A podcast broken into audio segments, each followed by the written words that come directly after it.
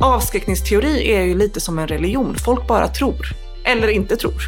För mig så känns det som att det är ganska irrelevant att diskutera. Vi vet inte. Vi kan inte säga att en person med den här makten att starta kärnvapenkrig aldrig kommer göra det. Och om det finns en möjlighet att det här går fel någon dag och konsekvenserna är liksom så enorma, kanske utplåna mänskligheten, så är det en risk som är för hög.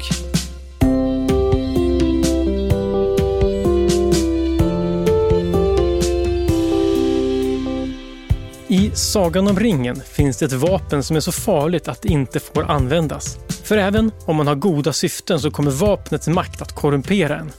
Så Frodo Bagger får i uppdrag att göra det som den onde trollkarlen Sauron inte kan tänka sig. Förstöra vapnet, alltså ringen, och ge upp makten. I verkligheten finns det också ett vapen som aldrig får användas. Ett vapen som faktiskt kan utplåna hela mänskligheten. Atombomben skapades i rädsla och har skapat ett politiskt system som bygger på att människor fortsätter att vara rädda. Finns något hopp om att vi i verkligheten kan vara lika kloka som i sagan och förstöra vapnet som ska göra oss trygga genom att hota med undergång? Du lyssnar på Idéer som förändrar världen, en podd från Nobelprismuseet med mig, Gustav Källstrand, som idag handlar om kampen mot kärnvapen. Ja, verklighetens Frodo Bagger heter ICAN, den internationella kampanjen för att förbjuda kärnvapen. Och gäst idag är ICANs generalsekreterare Beatrice Fin. Välkommen! Tack så mycket! Jag tänkte vi kan börja med att fråga, hur började du arbeta mot kärnvapen? Ja, det är lite av en olyckshändelse nästan. Eh, det var inte riktigt meningen eh, att jag skulle göra det här. Jag växte upp i Angered utanför Göteborg Eh, och var väldigt intresserad av politik eh, och framförallt internationell politik. Eh, ja, internationella relationer helt enkelt. Jag ville jobba med FN-frågor, men kanske mest mänskliga rättigheter, miljö, den typen av saker. Alltså jämställdhet internationellt. Så det var inte förrän jag gick på universitetet och gjorde en praktikplats på en organisation som heter Internationella kvinnoförbundet för fred och frihet. Som de hade en betald praktik plats i Genève med FN i Genève om kärnvapen. Och min första tanke var verkligen att det var ett ganska tråkigt ämne. Finns de fortfarande? Det är bara gamla gubbar mm. som pratar om de här grejerna. Men jag tog, jag tog en chans ändå. Det var ju betalt. Jag fick komma till Genève. Kanske kunde jag byta till någonting lite mer spännande som mänskliga rättigheter eller något sånt. Eh, och blev helt fascinerad av den här frågan.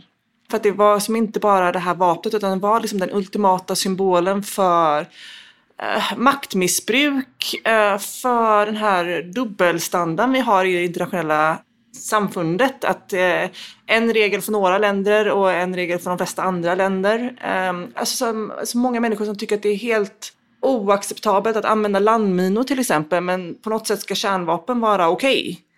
Att det är som ett stort undantag eh, som vi bara inte pratar om. Och att vi bara på något sätt accepterar och rycker på axlarna som att det skulle vara någon slags naturkraft och inte ett vapen som vi har skapat och faktiskt kan kontrollera själva. Det är som det, ja, men det ultimata maktförtrycket mm. i världen. Som på något sätt har blivit accepterat att några länder sitter på den här, det här vapnet som kan förgöra oss alla. Och mm. resten av världen får inte säga någonting om det. Så jag, jag blev, liksom för mig blev det som att den, det här faktiskt handlade precis om de frågorna jag var intresserad av. Mänskliga rättigheter, jämställdhet, solidaritet, Oj, nu kommer ambulans här. Ja, Beatrice Fin är sedan 2014 generalsekreterare för ICAN, International Campaign to Abolish Nuclear Weapons. Med säte i Genève så är ICAN en paraplyorganisation för över 600 medlemsorganisationer för hela världen som har det gemensamma målet att förbjuda kärnvapen. ICAN grundades 2007 på initiativ av den fredsprisbelönade organisationen Läkare mot kärnvapen och 2017 röstade FNs generalförsamling igenom det förbud mot kärnvapen som ICAN har arbetat fram. Och samma år så fick ICAN Nobels fredspris. Ja, alltså vi började ju vår kampanj eh, 2007, men det var ju först runt 2011 när det verkligen tog fart för att vi såg tecknen på att det här går åt fel håll. Vi såg kärnvapenstaterna eh, lägga enorma summor på att upprusta sina kärnvapenarsenaler istället för att nedrusta som de hade lovat. Vi såg liksom också den här ökningen av auktoritära ledare, av antidemokratiska tendenser, en mycket mer svår geopolitisk situation i världen och liksom den här eh, starka mannen, hotfulla eh, retoriken mellan några av de här länderna. Och eh, då började vi som arbeta med att det här liksom idén om att kärnvapen nu har blivit passerade till, till bakgrunden är inte att ta för given utan de kan komma väldigt snabbt upp och bli använda faktiskt eh, om vi låter det här fortsätta. Och sen såg vi ju bara några, något, ett eller två år senare Krimhalvön bli annekterad av Ryssland till exempel, ökade spänningar mellan Indien och Pakistan, mellan Kina och USA, alltså naturligtvis i Mellanöstern alltid. Eh, så att vi har ju sett hur det har vuxit och det var ju därför vi också har börjat arbeta för ett förbud mot kärnvapen innan det smäller för att kunna Eh, stoppa det och försöka hålla tillbaka de värsta instinkterna från några av de här länderna. Men självklart så mm, var det ju många som frågasatte. Är det här verkligen relevant? Eh, finns det inte mer viktigare frågor att tänka på just nu? Ehm, det kommer ju aldrig hända att så många sådana här experter som tycker att vi har liksom ja, men det, spelat på folks rädslor och inte velat, som säger, men det kommer aldrig hända. Mm. Och just det här året så har jag ju känt både naturligtvis en enorm faktiskt rädsla och tycker att det är otroligt obehagligt och, och farligt just nu. Men samtidigt har vi också fått otroligt mycket stöd från folk. Att folk som har sett och hört oss genom åren plötsligt inser att oj, jag fattade inte heller att det här var så... Att, det kan, att vi kan vara så här till 2022 liksom, att, och vi är rädda för kärnvapenkrig igen. Kärnvapen föddes ur rädsla Misstanken att Tyskland skulle kunna bygga kärnvapen fick den amerikanska regeringen att starta Manhattanprojektet. En enorm satsning för att hinna först. I Tyskland hade man mycket riktigt undersökt möjligheten att bygga en atombomb, men ironiskt nog så bestämde man sig där för att det inte skulle gå, ungefär samtidigt som Manhattanprojektet tog fart på allvar. Och man skulle ha trott att eftersom vapnet var till för att aldrig användas så skulle det räcka med att ha några stycken. Men efter kriget fortsatte utvecklingen. Man byggde både fler och kraftigare bomber Först i USA, men det dröjde inte länge innan Sovjetunionen också hade kärnvapen. Och därmed var kapprustningen igång. Kapplöpningen för att vara den som har flest vapen som man inte kan använda. De här som har sagt att kärnvapen äh, skapar fred och stabilitet mm. äh, har vi ju sett att men det är, så kan inte tänka för att det räcker med att det är en som inte använder det på det sättet så går hela den teorin och det tankesättet i kras. Och jag tycker att vi ser ju just nu hur ett av de här länderna som har varit ett av de länderna som ska skapa fred och stabilitet med sina kärnvapen, de fem länderna i säkerhetsrådet, eh, använder sina kärnvapen för att invadera ett annat land och för att hota resten av världen helt enkelt. Och det här är ju någonting som vi verkligen har varnat om och inte är bara unikt för Ryssland. Eh, jag tycker att det är viktigt att säga som att det är klart att det är det vi ser vad Ryssland och Putin gör just nu. Men vi var också jätteoroliga över Trump. Mm. Uh, och vi kommer fortsätta vara oroliga för Xi och Kim Jong-Un och Modi och alltså alla kärnvapenstaterna. Det, vi kan inte garantera att de här nio individerna som sitter på den makten i de här länderna kommer alltid agera rationellt, aldrig kommer göra något misstag eller göra någonting fel eller göra någonting som vi tycker är irrationellt. När du säger det här med att alltså, det skulle bevara fred, men då använder man det aggressivt. Vad menar du då? Man har ju inte använt kärnvapen än, men hur kan man ändå använda dem utan, aggressivt utan att använda dem? Man använder hotet om att använda mm. kärnvapen för att liksom få göra som man vill helt enkelt. Att inte få behöva hantera konsekvenserna av sitt agerande. Och vi såg det den 24 februari när kriget startade och Putin invaderar Ukraina och säger tydligt i ett tal att om någon lägger sig i det här kriget så kommer ni få se på konsekvenser som ni aldrig sett förut. Och det är som ett direkt kärnvapenhot. Han pratar om kärnvapen. Eh, och naturligtvis också bara några dagar efter det så mm, sa han att han hade ökat beredskapen för sina kärnvapenstyrkor. Eh, som är som en direkt uppföljning till det hotet. Eh, så där ser vi ju hur han försöker att använda kärnvapenhotet liksom, för att få resten av världen att inte hjälpa Ukraina helt enkelt. Att inte mm. lägga sig i konflikter, inte skicka vapen. Och det blev ju väldigt tydligt fördömt av nästan resten av världen, även andra kärnvapenstater. Och vad vi ser sen nu är att han har liksom tagit ett annat steg eh, nu i september med den här olagliga annekteringen av ytterligare ukrainsk mark. Att han helt enkelt säger, istället för att använda det för att möjliggöra sin invadering, nu är han i en mycket mer defensiv position. Eftersom att kriget inte går speciellt bra för Ryssland. Och då säger lite mer traditionellt så som kärnvapen är tänkt att fungera, att vi ska skydda våra territorium, säger han. Mm. Om någon attackerar oss på våra territorium så kommer vi använda kärnvapen mot dem. Och förresten, den här delen av Ukraina är nu våra territorium. Vilket naturligtvis sätter enorm press på Ukraina att ta ett beslut. Eh, ska vi ge upp det här territoriumet? Eller ska vi riskera att bli attackerade av kärnvapen om vi fortsätter? Mm.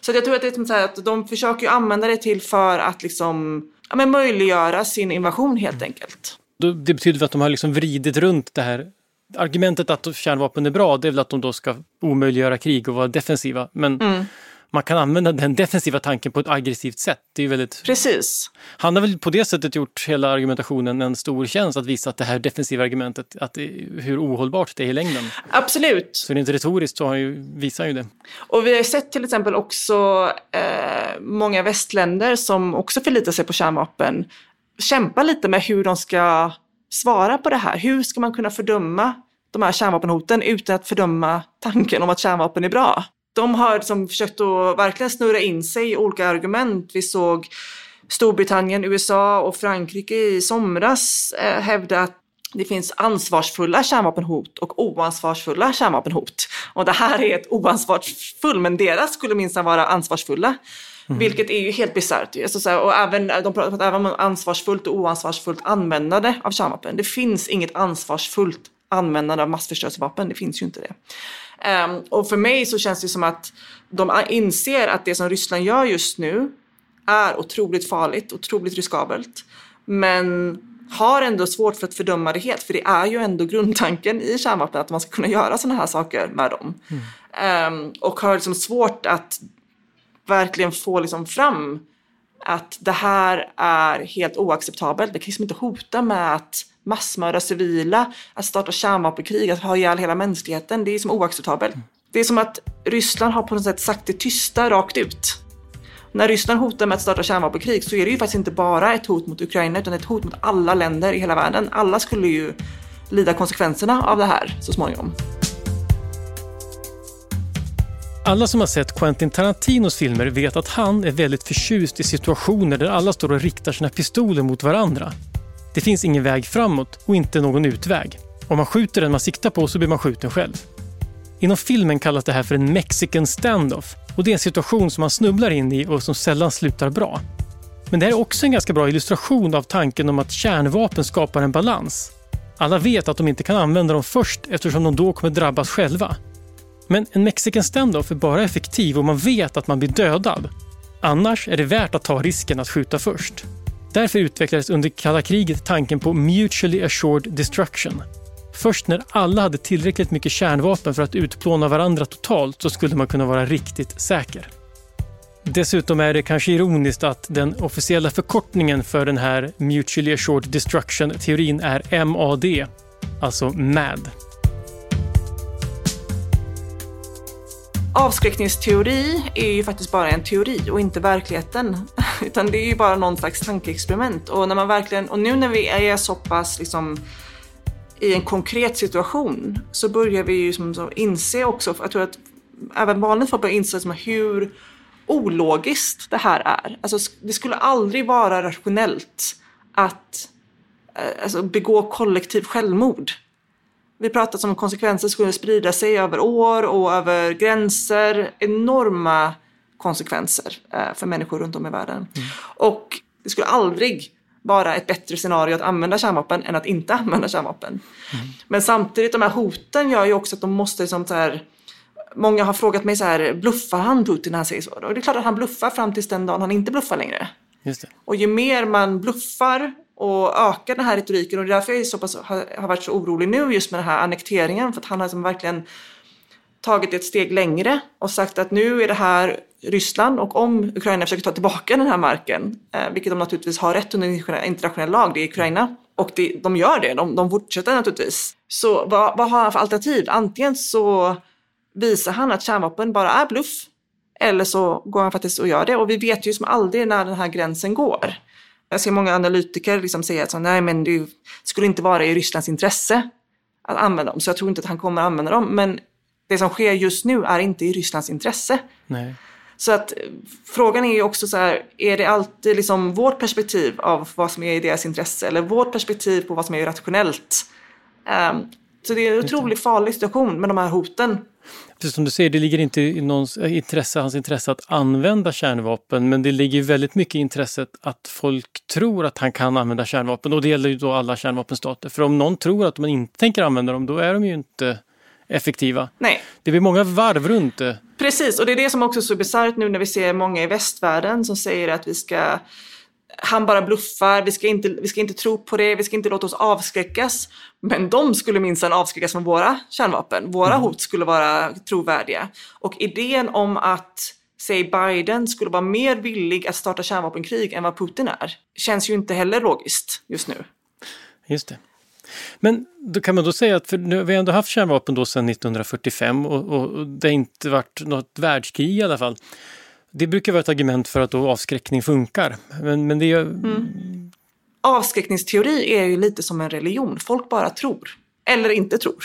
Och det är helt omöjligt att visa och vad som än händer i världen så kommer folk se det som bevis för sin argumentation runt det här. Så för mig så känns det som att det är ganska irrelevant att diskutera utan bara titta på, på verkligheten. Vi kan inte garantera. Vi vet inte. Och vi kan inte säga att en person med den här makten att starta kärnvapenkrig aldrig kommer göra det.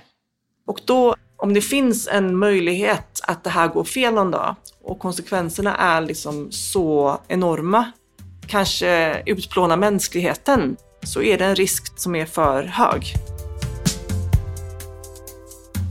Kärnvapen heter kärnvapen eftersom de använder energin som finns i atomkärnorna.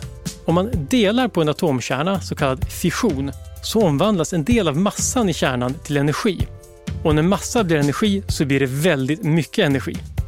Och den här energin den avges i form av så kallad joniserande strålning. Alltså strålning som förvandlar atomer till elektriskt laddade joner. Det innebär att när strålningen till exempel träffar en människa så börjar det ske kemiska reaktioner i molekylerna som bygger upp våra celler och vårt DNA. På kort sikt leder det här till strålsjuka och på längre sikt till cancer. De första kärnvapnen byggde på fission, men det finns också de som bygger på fusion. Fusion innebär att man slår ihop lätta atomkärnor och faktum är att det avges mycket mer energi när man slår ihop kärnorna än när man delar dem. Och väte är den lättaste atomkärnan och den som ger mest energi. Så därför kallas de här vapnen för vätebomber. Just nu så tycker jag som att det är ju Ryssland och möjligheten att de använder kärnvapen som är den absolut största risken. Men samtidigt så vet vi också att ju, ju mer spänd liksom, en situation är, ju mer liksom, orolig situationen är, ju större chans är det också att någonting går fel. Till exempel en hackningsattack till exempel eller eh, manipulerad data som kommer in till de här militärerna som, som är på högspänning just, just nu. Mm. Väldigt snabbt kan gå fel. Vi har till exempel sett för några år sedan i Hawaii när det var eh, ett falskt alarm till allas telefoner om att det kommer in en, en interkontinental mm. missil. En kärnvapenmissil liksom. 30 eh, minuter, ta skydd, stod det på allas telefoner. Folk fick ju panik. Skulle, det, skulle den typen av misstag ske nu skulle det kunna trigga enorma reaktioner. Skulle folk vänta i 30 minuter eller skulle det liksom beordrats eh, motattacker? Eller om det, vi såg bara för några, var det nu i våras, en missil gå mellan Indien och Pakistan av misstag. Mm. Tänk om det går mellan till exempel Ryssland och ett NATO-land just nu. Eh, och så olyckor naturligtvis, kan ju alltid ske och har skett. Så jag tror att det, är som, det finns så många olika scenarion där någonting kan gå fel och många som inte ens har tänkt på. Och ju mer komplex liksom världen blir med eh, militären har artificiell intelligens till exempel uppkopplad eller det blir cyberattacker eller man bara manipulerar data, ju mer liksom oväntade konsekvenser kan det bli. Så jag tror liksom att det är svårt att säga vilket som är mest farligt men just nu naturligtvis så kollar vi alla på Putin och är oroliga över vad hans beslut är. Men liksom generellt låter det som genomgående att det är ett väldigt skört system när det bygger på att inget får gå fel och det får aldrig någonsin sprängas de här bomberna för då, då kan det gå så illa. Då måste ju verkligen allt gå rätt och det är ju sällan som allt alltid går rätt. Det finns inte mycket... Ja, det är omöjligt att allting går rätt för all framtid. Någonting kommer ju gå fel. Och eh, det är det som är så himla eh, oroväckande här, att folk som också försvarar kärnvapen vägrar att svara på de frågorna. Vad gör vi om det går fel? Ja, följdfrågan är vad gör man om det gör fel? Men det vet vi helt enkelt inte då, antar jag. Ja, ehm, det har ju pågått i vår process med förbudet mot kärnvapen så har vi också har det varit en, en serie. Det som skedde innan de här förhandlingarna började var en serie konferenser om vad händer om en kärnvapen används som en humanitär fråga. Vad gör eh, Röda Korset? Vad gör FNs hjälporgan? Vad gör nationella liksom katastrofberedskapsorgan? Vad gör läkarna? Vad, sker, vad, vad behöver vi vara förberedda på? Och slutsatsen för de konferenserna var att det finns inget land eller grupp av land eller internationella organisationer som kan effektivt hjälpa i den typen av situationer. Till exempel Röda Korset har som sagt att vad de skulle göra är att dra tillbaka sin personal. Det är för farligt för dem att gå in i en zon där kärnvapen har sprängts på grund av radioaktiviteten. Samma sak med läkare, de, de behöver som gå därifrån för att skydda sig själva. Så att de som överlever en kärnvapenreaktion kommer liksom också lämnas själva. Eh, infrastruktur kommer kollapsa, brandkåren kan inte hjälpa till, det kommer vara otroliga bränder. Så att det är som, slutsatsen har ju dragits att det finns ingen kapacitet att hjälpa. Och det är ju det som också blir så bisarrt. Alltså en av de grejerna som pratas mest om nu det är om Ryssland skulle använda taktiska kärnvapen. Så kallade små eh, vapen som man använder. Men våra proportioner eh, när det kommer till kärnvapen är ju så totalt förvridna. Majoriteten av ryska taktiska kärnvapen, de små, är, ligger mellan 100, eh, 10 och 100 kiloton i sprängstyrka. Hiroshima-bomben var 15. Så är som ett av de mindre av dem är som Hiroshima-bomben som hade ihjäl 140 000 personer. Så det är, som, det är såna enorma, när de pratar om ett litet kärnvapen, det finns inga små kärnvapen.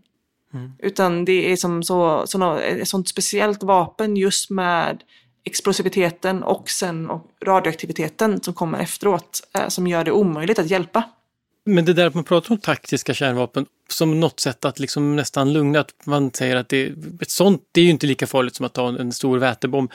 Men, men finns det inte en risk, både, alltså dels är det ju, eh, det vill man ju inte att man ska göra i alla fall, men, men även för den som då vill använda det, för att om man tänker sig att taktiska kärnvapen faktiskt skulle vara möjliga att använda, om, om det skulle tillåtas, eller vara mer okej på något sätt, då tappar väl kärnvapen också den avskräckande effekten och då blir det väl bara ett vapen som alla andra, fast mycket värre.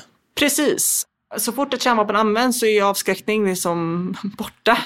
Så att, att normalisera det här idén om att man kan använda en kärnvapen är otroligt farligt.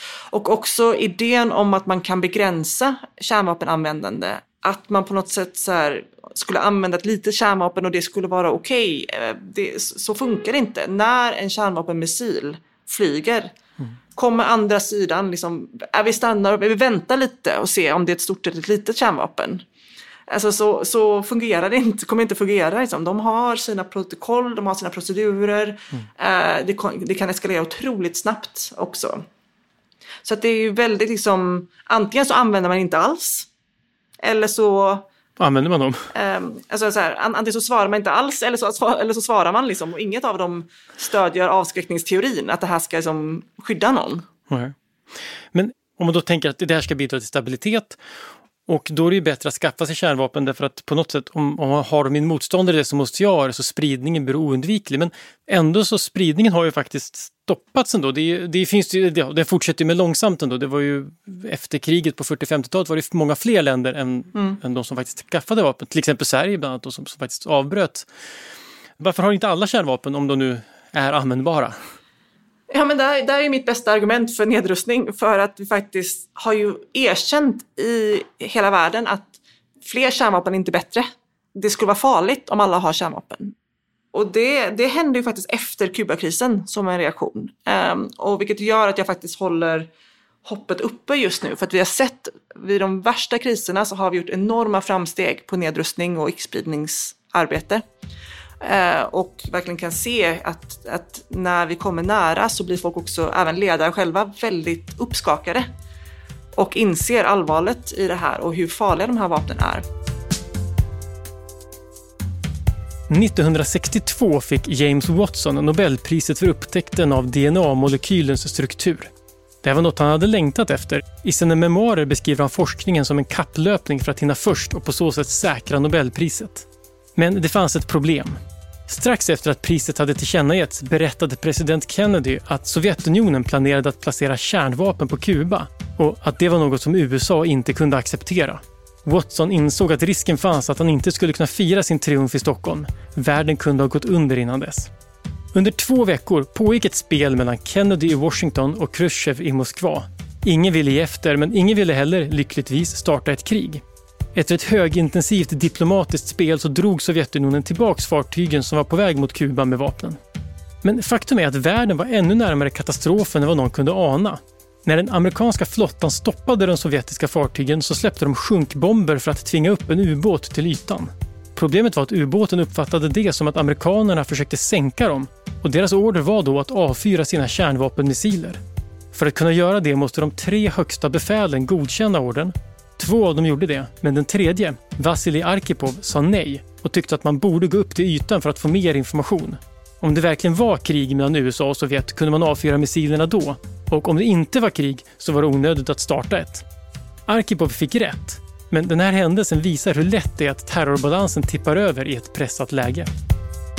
Så efter Kubakrisen så var det en stor rörelse, alltså det var ungefär runt 20-30 länder i världen som beräknades vara kapabla och intresserade av att, att utveckla kärnvapen.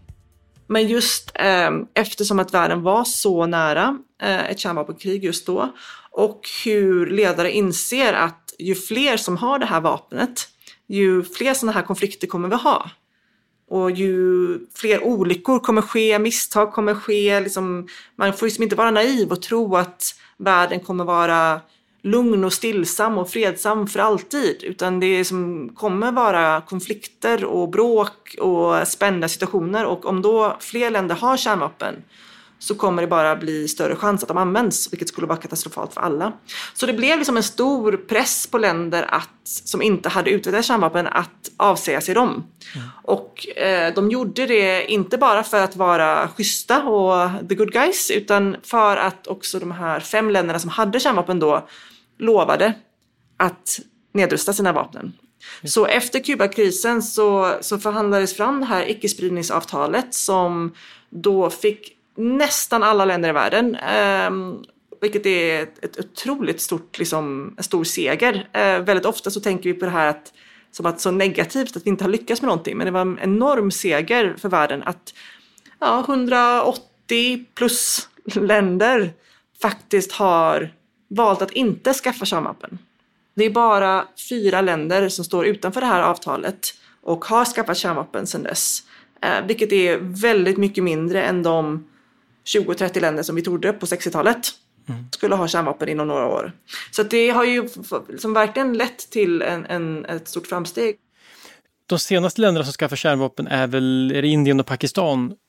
Och det är på 90-talet om jag förstår det. Straffades de på något sätt internationellt för det? Eh, eller de hade kanske inte skrivit på avtalet? De hade inte skrivit på avtalet eh, och eh, har ju deras kärnvapenprogram anses ju vara illegitima. Men samtidigt så har det ju över tid normaliserats, framförallt Indien mm. eh, som har varit som ett stort demokratiskt land eh, och gärna ser sig själv som en rationell, stabil kärnvapenstat. Det är mycket liksom legitimering som sker från kärnvapenstaterna själva, att de jobbar väldigt hårt för att det ska ses som legitimt just det här med ansvarsfulla kärnvapenstater, fred och säkerhet, sitta i säkerhetsrådet. Och det är ju det som verkligen Ryssland liksom visar verkligheten just nu. Mm. Att det finns inget sånt. Det är bara en falsk känsla av trygghet som har som gjorts. Um, och det är ju därför vi också har varit så otroligt mycket mer fokuserade på länder som Nordkorea, eh, som, också utvecklat, som är senaste landet som utvecklar kärnvapen, som illegitim. Det är väldigt enkelt att liksom säga att det där är, det där är fel, eh, att de ska ha kärnvapen. Det är svårare att säga det om Frankrike eller Storbritannien eller USA. Så att de, men de samtidigt använder ju det som argument. Det här har också varit Indiens och Pakistans argument att det här är ju orättvist. Varför får ni ha kärnvapen och inte vi? Mm. Um, det är ju som, varför har ni mer säkerhetshot? Det har ni ju inte. Um, och idén om att ni ska sitta i säkerhetsrådet, det som är byggt på någonting som hände 1945. Mm. Och den andra som tillfället när vi var nära kärnvapenkrig var ju på 80-talet. eh, efter det här Star Wars och en stor kärnvapenövning som heter Able Archer som gjordes av NATO som Ryssland eh, tog som ett hot mot dem och började, och blev en väldigt, väldigt spänd situation. Och efter det så kom ju Reagan och Gorbachev eh, åkte till Reykjavik och förhandlade fram eh, nästan, de var så nära att komma överens om total kärnvapennedrustning. Men det föll på några detaljer eh, från USAs sida, tyvärr. Och eh, hade det lyckats så hade inte Ryssland haft kärnvapen idag. Men de kom överens om enorma reduceringar, så vi gick ner från 70 000 kärnvapen i mitten av 80-talet ner till 20 000 och idag har vi runt 12 000. Så att jag tror ju ändå att det går att göra någonting av den här situationen också. På ett sätt så har det varit väldigt bekvämt för kärnvapenförsvarare de senaste 20-30 åren för att folk har inte varit så rädda. Man har liksom inte sett konsekvenserna av kärnvapen. Det har som, känts som en hypotetisk, nästan akademisk eh, diskussion snarare än ett riktigt vapen. Så när vi ser vapnen för vad de verkligen är, alltså stora terrorist, liksom, redskap som skulle kunna förgöra oss alla, så blir plötsligt folk mycket mer medvetna om hur farliga, att det här faktiskt inte är ett vapen som bara skapar säkerhet och trygghet, utan är ett enormt hot mot oss alla. När Ronald Reagan blev president i USA blev han det med slagordet “Morning in America”. Efter ett 70-tal med Watergate, Vietnam och energikris så skulle 80-talet bli en omstart för den amerikanska drömmen. Reagan hade också en vision om hur man skulle kunna bryta dödläget i kapprustningen. Nämligen med ett försvarssystem som upptäckte inkommande missiler och sköt ner dem innan de kunde träffa sina mål. Det här strategiska missilförsvaret byggde på satellitövervakning och kallades därför för Star Wars. Men i mitten på 80-talet så bytte Reagan strategi. En anledning var att Mikhail Gorbachev tog över ledningen i Sovjet och han stod för en helt ny öppenhet och vilja till förändring. Vid ett toppmöte i Reykjavik så kom Reagan och Gorbachev överens om stora nedrustningar. Och sedan dess har faktiskt världens kärnvapenarsenaler minskat stadigt. Den här öppenheten ledde också några år senare till Sovjetunionens fall men också till ett fredspris för Mikhail Gorbachev. Så att um, vi måste vara otroligt försiktiga nu vad det är för signaler vi skickar runt om i världen. Är kärnvapen prestige, status och säkerhet eller är de terror, eh, förtryck och eh, hot mot hela världen? Mm. Eh, och jag tror att framförallt liksom, både när det kommer till hur vi hanterar Ryssland men också hur vi hanterar liksom, de som vill kanske utveckla kärnvapen efter det här så gäller det att vi verkligen jobbar med de här normerna runt kärnvapen just nu. Vi ska inte skryta, det är inte säkerhet, det är inte status, det är inte prestige, utan det är verkligen som vad vi ser just nu, ett, ett otroligt farligt vapen som bara personer som inte har någon respekt för mänskliga rättigheter eller civila eh, skulle kunna tänka sig att försvara. Ja, Ukraina hade kärnvapen när de blev självständiga från Sovjetunionen som de sen har av, eller gav tillbaka det, eller gav det till Ryssland. Det kanske de skulle kunna ångra idag, för hade de haft det hade de väl inte blivit mm. anfallna. Det finns ju en del som säger det. Det är lite förenklat att säga att det var Ukrainas kärnvapen. Det var ju Sovjets just kärnvapen. Just kontrollerade av liksom regeringen i Moskva. Mm. Um, när Ukraina blev självständiga så var de utplacerade på ukrainsk mark men Ukrainas nya regering liksom hade inte kontrollen över dem och kunde inte avfyra dem. Det är väl klart att de kanske skulle tekniskt sett ha kunnat behålla dem och sen eh, byggt om dem liksom, så att de skulle kunna kontrollera dem. Men det hade varit ett enormt aggressivt drag eh, på 90-talet eh, mm. och någonting som kanske Ryssland inte hade accepterat kanske hade blivit krig. Just det. De ja, det är lite så här, Precis, eh, så det är lite förenklat att säga att allting annat hade varit som samma om de hade tagit det beslutet. Det hade varit lite skillnad. Och vi ser till exempel nu, USA har ju kärnvapen utstationerade i Tyskland, Belgien, Holland, Italien och Turkiet. Skulle något av de länderna plötsligt vända sig om och säga nej vi ska ta de här själva. och bryta oss loss från NATO till exempel. Säg att Turkiet skulle göra det. Vi ska byta oss upp med NATO eh, och eh, alliera oss med... Och behåller era missiler. Ja, du skulle kunna tänka dig vad reaktionerna hade blivit. Det hade inte eh, säkert blivit så fredligt. Så jag tror att är, man får vara försiktig med att inte mm. bara förenkla den, den frågan. Vi vet ju inte vad som skulle kunna hända. Nej. Men det skulle ju kunna varit många grejer som har gått fel eh, under tiden. Men det, samtidigt så är det ju också det som är det stora, eh, stora problemet här. Antingen så tycker vi att kärnvapen skyddar en, men då ska ju alla ha dem. Mm. Eller så ska ingen ha dem, för att den som har dem kan miss, eh, alltså använda dem på ett, på ett sätt som Ryssland använder dem just nu. Mm. Du nämnde också här med, eller alldeles nyss med normer, att vi måste ändra normerna och det, är ju, det handlar om antingen ska alla ha eller ingen. Och ICANS, det här förbudet mot kärnvapen bygger förstås på att ingen ska ha dem. Ja, det här är ett förbud då som eh, under internationell rätt som förbjuder användande av kärnvapen. Hot om att använda kärnvapen är också olagligt eh, under det här avtalet. Innehav, eh, utveckling eh, och test av kärnvapen är alla förbjudna. Och det här var ju då utvecklas just för att vi såg att det, vi började som gå bakåt, bakåt i den här utvecklingen mot nedrustning liksom, och att istället kärnvapen, fler kärnvapenstater Uh, mer fokus på kärnvapen från de här länderna och en svårare framtid som vi, vi möter. Liksom en mycket mer komplicerad uh, och inte bara två block utan många olika dynamiker som händer, händer samtidigt. Så för att motarbeta den här utvecklingen så behövdes det liksom att vi faktiskt tar ställning. Är vi för eller är vi emot kärnvapen? Mm. Och det finns ju väldigt många länder som har försökt att vara båda två samtidigt. Att kärnvapen när det är ett land som Iran eller Nordkorea, väldigt dåligt. Kärnvapen när det är våra vänner, det är bra. Eh, våra kärnvapen är trygga och stabila, deras är farliga och eh, irrationella och det har ju också väldigt mycket att göra med vilka länder vi tycker är rationella och vilka vi tycker är irrationella eh, i världen. Eh, som har också mycket att göra med liksom, att västvärlden tycker att de själva har, alltid har rätt och andra länder är farliga mm. och inte har samma liksom, eh, stabilitet. Så att um, det var ju därför det här förbudet, att vi måste liksom få ett redskap som äh, går som tar avstånd från den här dubbelmoralen och från den här som försöker göra båda sakerna samtidigt. Och då har vi ju som börjat försöka jobba med majoriteten av länder i världen som faktiskt är emot kärnvapen. Och inte bara att de är emot kärnvapen för att eh, kärnvapenstaterna själva har lovat att nedrusta men för att faktiskt det här, de kommer aldrig under några omständigheter tänka sig att ha kärnvapen i de här länderna som går med i förbudet. Och så bygger vi där och försöker skapa en ny norm att det här är det här liksom att några har det. Att några sitter i säkerhetsrådet med sina kärnvapen och ska skapa internationell fred och stabilitet med dem. Det funkar inte längre här, så här kan vi inte hålla på längre. Liksom, nu ska vi göra oss av med de här kärnvapnen. Och förhoppningsvis liksom att det här blir den nya normen som vi håller andra länder ehm, eh, alltså upp mot. Att det, det, är det här som, som är standarden. Att inte ha kärnvapen. Inte att ha kärnvapen.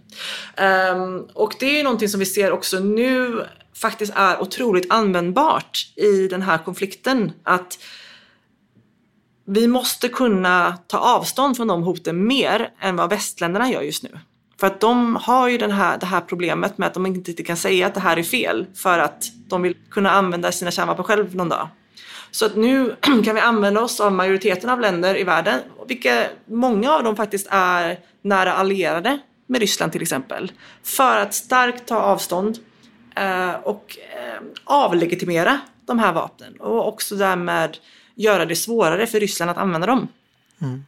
Naturligtvis har det här förbudet då fått mycket kritik för att vara liksom naivt att tro att det här går att förbjuda kärnvapen och de som har skriver inte på.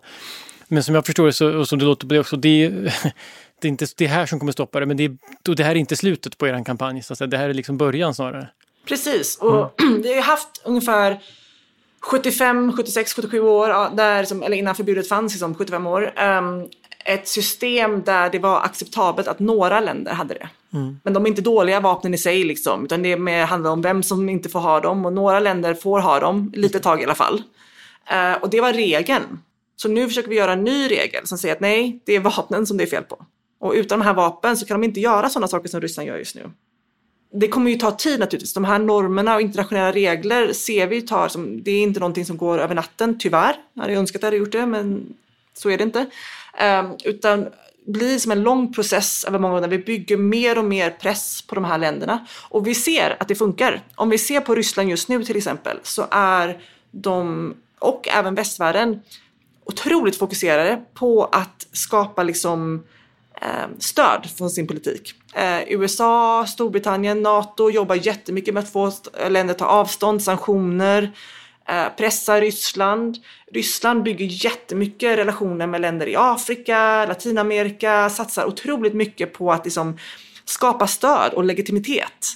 Eh, vi väldigt ofta tror att de här länderna opererar precis som de vill, men de behöver legitimitet och behöver att ha liksom en status i samhället, i, i världen för att få, få stöd för sitt mm. agerande. Så att det här, som, den strategin att påverka genom att skapa nya normer och att ta ifrån legitimiteten från det här vapnet, det funkar. Vi har sett det funka. Vi såg de enorma reaktionerna för Rysslands eh, invasion i början. Fick de faktiskt att backa från sina kärnvapenhot. Jag satt i möten i FN med, jag hörde ryska ambassadörer i somras mm. säga att nej, vi hotar aldrig med att använda kärnvapen i början av kriget. Det har ni missförstått. Nej, det gjorde vi inte. Och som jag sa, att man kunde som se att det var inte bekvämt för dem att få så mycket kritik. Att det var jobbigt för dem att deras allierade vände sig emot dem. Och att de då måste satsa jättemycket på att liksom skapa andra sätt att, att legitimera sitt beteende. Och det är därför de också har allt det här liksom missinformationen, falsk information om vad som händer i Ukraina. För att skapa legitimitet helt enkelt. Mm. Och därför så vet vi också att det här är kanske inte det kommer inte gå snabbt, men det här är ett redskap. Förbudet är ett redskap vi kan använda för att hålla tillbaka de här och verkligen pressa dem så mycket som möjligt att inte använda kärnvapen. Att inte göra det normalt att hålla på så här. Att sända signaler till länder som Kina att gör inte så här med, med Taiwan till exempel. Mm. Eh, att sända signaler till andra länder runt om i världen att nej, att börja liksom hota med kärnvapen är inte ett recept liksom för att skapa makt i världen. Jag tycker det är intressant det, för att, för att man tänker lätt att när du berättar nu så är det så uppenbart att det här är liksom ja, men ett verktyg som du sa, det finns en pragmatism i det här. Det är lätt att tänka att man hellre då ska fortsätta med nedrustning och uh, att det skulle vara mer pragmatiskt att liksom prata med de som mm. har vapen och få färre och färre. Och det, antalet kärnvapen minskar väl ändå i världen så det kanske är så. Mm. Då skulle ett förbud låta idealistiskt men det finns även det finns en ganska stor uh, mått av pragmatism låter det på dig i det här också. Att det här är faktiskt ja, men det är praktiskt viktigt för länderna att de här normerna finns. Absolut, och jag blir väldigt frustrerad när vi blir kallade naiva när jag tycker att det är de som försvarar kärnvapen som sitter och säger att vi kan låta Putin ha all makt över vår säkerhet. Det är rationellt. Mm. Och ingenting ont kommer någonsin hända. Han kommer aldrig göra ett misstag, han kommer aldrig göra fel, han kommer aldrig strunta i civila liv mm. eller konsekvenserna, utan han kommer alltid göra så som vi tror att han kommer göra. Det är ju det som är naivt, att bara hoppas, sitta, sitta med de här vapnen och bara hoppas att ingenting kommer att gå fel utan någon faktiskt konkret plan hur man ska förhindra det. Vi jobbar ju även jättemycket i kärnvapenstater för att få till nedrustning liksom, som en konsekvens av den här pressen. Men vi vet ju också att vi måste liksom, trycka på utifrån. Om vi bara sitter och väntar på att de ska göra någonting och låter dem ha all makt liksom, och de diktera hur kärnvapen syns, då kommer vi vänta för alltid. Men när resten av världen trycker på och säger nej men vi går vidare, det där är oacceptabelt beteende. Då skapar vi mycket, mycket mer liksom anledningar för dem att nedrusta. Precis, och det är väl, det, är, det är väl pra, pragmatisk normanvändning på något sätt. Precis. Jag tänkte som, avslutningsvis måste jag bara fråga också, för en institution förutom ICAN som, som har jobbat ändå 50, vad blir det, 75 år för att faktiskt mot kärnvapen, det är ju, eller jobbat och jobbat, men de har varit inne på det i alla fall, det är ju Nobelkommittén. Nobelpriset har ju mm. ganska många fredspris mot spridning och atmosfäriska tester och liknande. Hur påverkade det er att få Nobelpriset?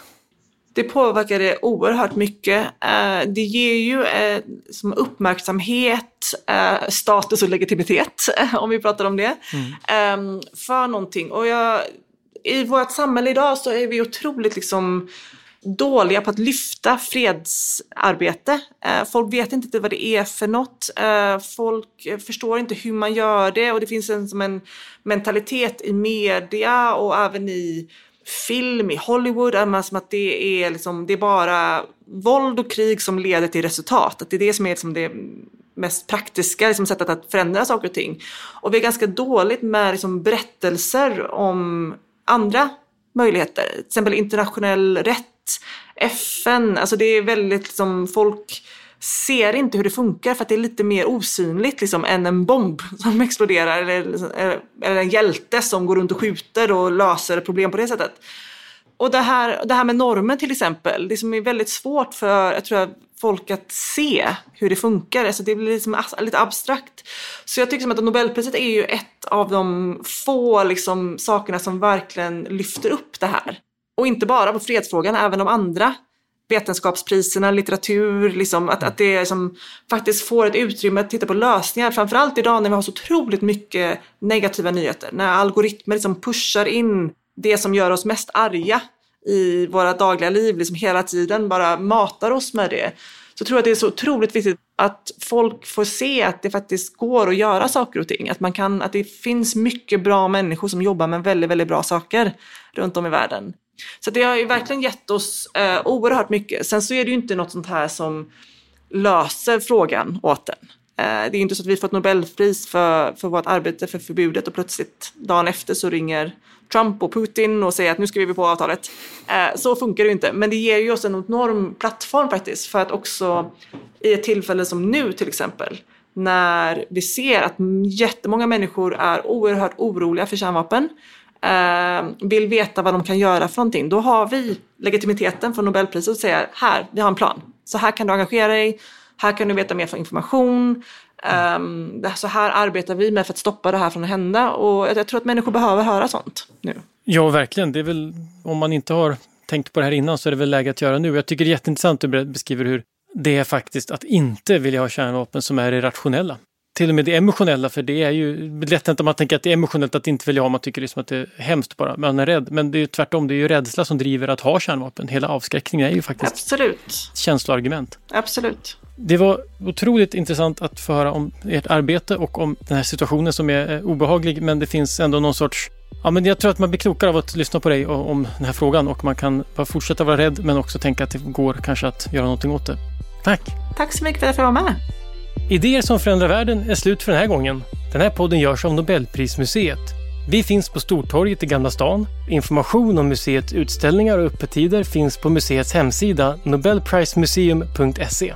Du kan förstås också följa oss på Facebook och Instagram. Och i poddavsnittet Det tänkande hjärtat kan du höra mer om en annan nobelpristagare som belönades för sitt arbete mot kärnvapen, nämligen 1982 års fredspristagare Alva Myrdal. Och vill du veta mer om Nobelpristagarna och deras arbete så gå gärna till Nobelprisets hemsida nobelprice.org. Och ett stort tack till Nibe Group, EF Education First, Knut och Alice Wallenbergs stiftelse och familjen Erling Perssons stiftelse som möjliggör Nobelprismuseets verksamhet.